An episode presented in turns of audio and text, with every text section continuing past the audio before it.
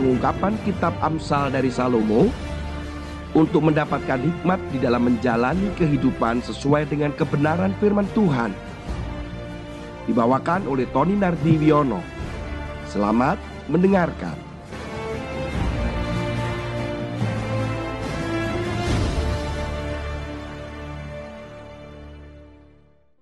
Shalom Bapak Ibu sekalian. Firman Tuhan terambil di dalam Amsal pasal 10 ayat 32. Ayat ini adalah ayat terakhir dari pasal yang ke-10. Kita baca firman Tuhan demikian bunyinya. Bibir orang benar tahu akan hal yang menyenangkan. Tetapi mulut orang fasik hanya tahu tipu muslihat. Kalau dipikir-pikir ya saudara, ada yang bertanya dan terpikir dalam benak saya. Apa yang terjadi bila manusia itu tidak punya bibir? Saya sedang berpikir, apakah bisa ya manusia itu hidup tanpa bibir? Karena beberapa orang mengatakan bahwa bibir itu nggak banyak gunanya.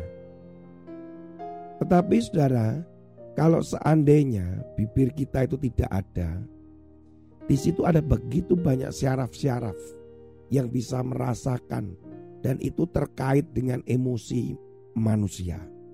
Contoh adalah mencium. Di mana itu ada syaraf-syaraf yang bisa menginformasikan kepada otak dan itu adalah dirasakan emosi sayang. Seperti itu. Nah, selain itu, ternyata bibir ini berfungsi untuk beberapa konsonan.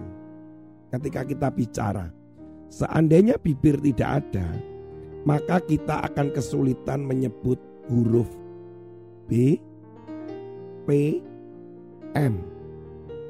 Karena semua huruf B, P, dan M itu memerlukan bibir. Bapak Ibu bisa coba kata-kata B, P, M atau huruf BPM dalam kata-kata tanpa bibir bersentuhan atau tanpa bibir pasti kesulitan.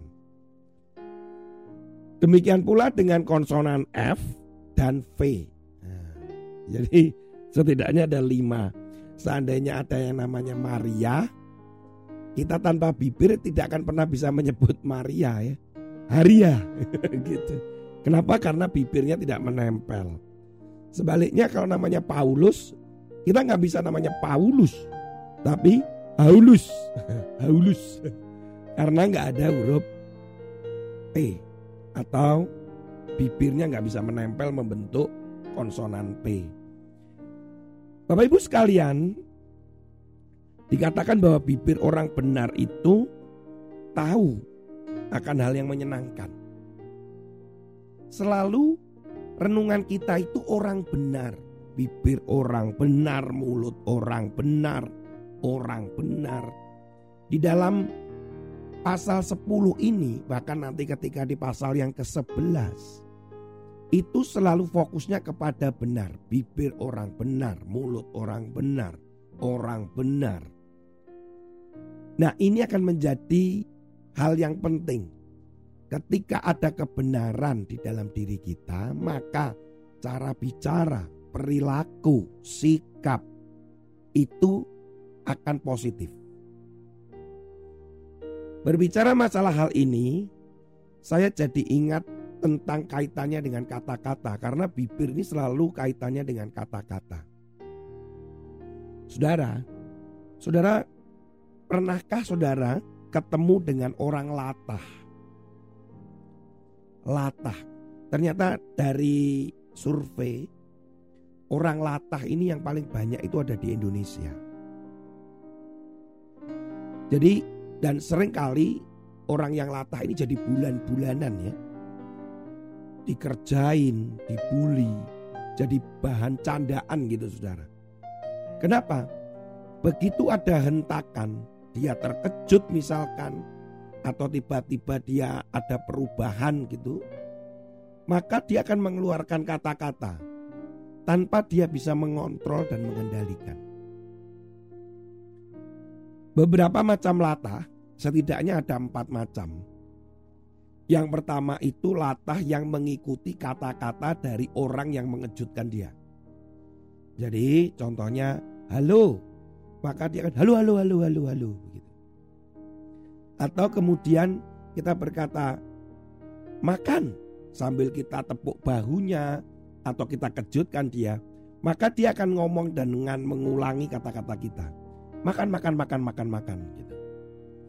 Itu contoh yang pertama. Contoh yang kedua adalah yang melakukan sesuatu. Jadi ini menirukan gerakan, jadi bukan kata-kata. Begitu kita ngomong ambil, kemudian tangan kita bergerak, maka dia juga ikut bergerak berkali-kali. Jadi ini jenis yang kedua latahnya. Latah yang ketiga ini yang tidak bisa saya praktekkan, saudara. Kenapa? Karena latah ini adalah mengeluarkan kata-kata yang jorok, jijik, dan jahat biasanya. Wah bisa keluar semua itu. Ya, maki-makian kata kotor itu bisa maki keluar semua. Kemudian yang terakhir ini yang dimanfaatkan orang sering kali yaitu latah dengan mengikuti apa yang kita perintahkan. Contoh kita apa tepuk baunya sambil kita ngomong begini. Minum. Maka dia akan mengambil minum kemudian dia akan minum. Gitu. Atau berdiri, dia akan berdiri dengan tiba-tiba tanpa dia sadar. Saudara, orang-orang latah ini di antara semuanya itu cuma hanya satu yang bentuk eh, dua yang bentuknya perilaku ya, tapi yang dua bentuknya kata-kata yang diulang. Apakah bisa sembuh orang latah ini? Seiring dengan usia menurut data atau menurut para ahli psikolog akan berkurang. Jadi tingkat latahnya akan berkurang. Kalau sembuh secara total sampai hari ini masih diperdebatkan dengan cara-cara terapi dan sebagainya. Kalau ditanya penyebab orang latah ini lebih banyak karena dianggap bisa jadi masih perdebatan saudara sampai hari ini. Belum ditemukan. Ya, tetapi setidaknya ada beberapa yang mereka coba raba-raba penyebabnya. Katanya karena faktor genetis, keturunan. Yang kedua, dianggap sebagai proses dia secara tiba-tiba melakukan pertahanan diri karena pernah dikucilkan, karena pernah diremehkan, kemudian pernah disepelekan, dia seperti mengalami satu identitas diri yang rusak. Kemudian dia pertahanannya adalah mengganti identitas dengan cara berkata-kata dengan yang disukai, yang dilakukan, yang diharapkan orang lain. Supaya diterima begitu. Jadi orang latah itu ketika dia melakukan atau mengatakan dia sebetulnya ada rasa senang karena sama seperti yang diperintahkan atau dikatakan orang lain. Ada juga karena neuropsikiatri. Itu karena ada kelainan atau sesuatu yang sifatnya saraf. Sudah kekasih di dalam Tuhan. Seperti orang latah, kadang kita ingin menyenangkan orang lain sebagai bentuk pertahanan kita kita mencoba identitas kita berubah. Berapa sering kita ini mencoba menyenangkan orang, maksudnya itu menyenangkan orang, tetapi kita kehilangan ketulusan dan kejujuran kita. Seperti kepada pemimpin kita, seperti kepada gembala, pendeta, hamba Tuhan. Kemudian kita banyak berbahasa basi, mencoba untuk menyenangkan orang lain. Tapi sebenarnya hati kita nggak demikian. Yang mestinya kita bisa menegur, mestinya kita bisa menasehati, tetapi kita tidak berani karena kita berusaha menyenangkan orang lain. Kita sudah terjebak di dalam ketidakjujuran. Dalam ayat ini saya sebenarnya belajar bahwa di sisi lain ketika kita dikatakan orang benar itu menyenangkan, yang harus hati-hati adalah menyenangkan itu di dalam ketulusan atau kejujuran atau tidak? Karena pada ayat selanjutnya kalimatnya adalah itu berbicara tipu muslihat loh saudara. Jangan-jangan saya, saudara kekasih Tuhan, Bapak Ibu sekalian, kita ngomong dengan pemimpin kita, dengan sahabat kita, mungkin sahabat kita sajalah. Orang terdekat kita, pasangan kita, anak kita, orang tua kita. Kita ingin menyenangkan mereka, tetapi kita kehilangan mengatakan yang benar. Kita ingin supaya mereka puas, tersenyum, tetapi kita kehilangan sebagai orang benar untuk menyatakan kebenaran yang mungkin itu pedih, mungkin itu sakit. Tetapi bagaimana caranya menyampaikan itu nanti lain lagi. Tetapi beranikah kita? Sepertinya, sepertinya tidak menyenangkan, tetapi itu adalah benar. Begitu. Kalau orang yang benar tahulah waktu untuk menyampaikan dan apa yang disampaikan dengan kalimat atau kata yang mungkin ditata dan bijaksana di dalam penyampaiannya. Saudara kekasih di dalam Tuhan, hal ini pernah saya bahas dalam beberapa ayat atau mungkin beberapa hari yang lalu. Marilah kita bersama-sama memberanikan diri. Memang kita harus menyenangkan orang lain sebagai orang benar.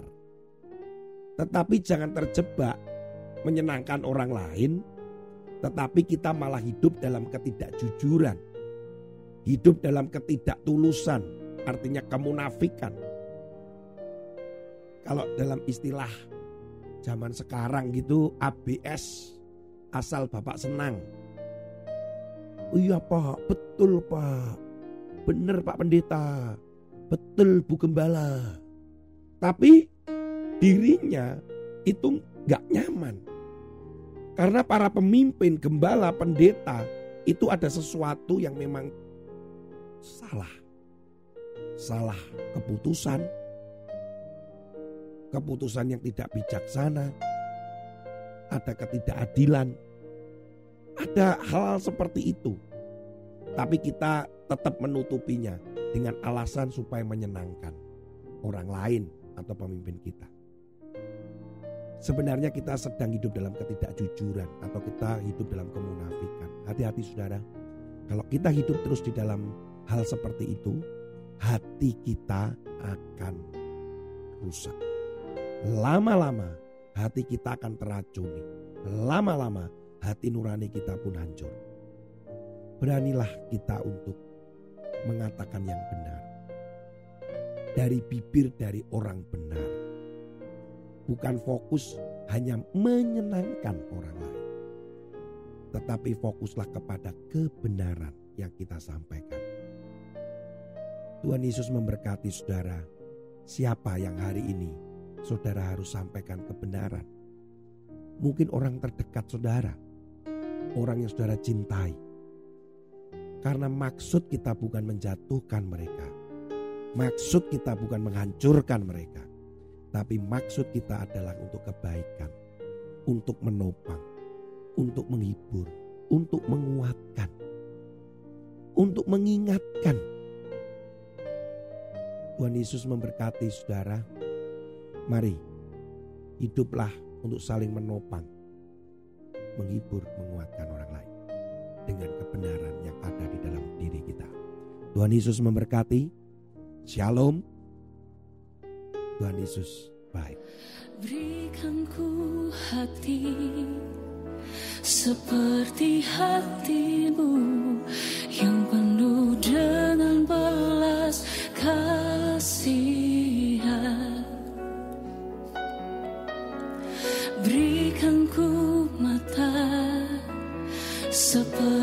matamu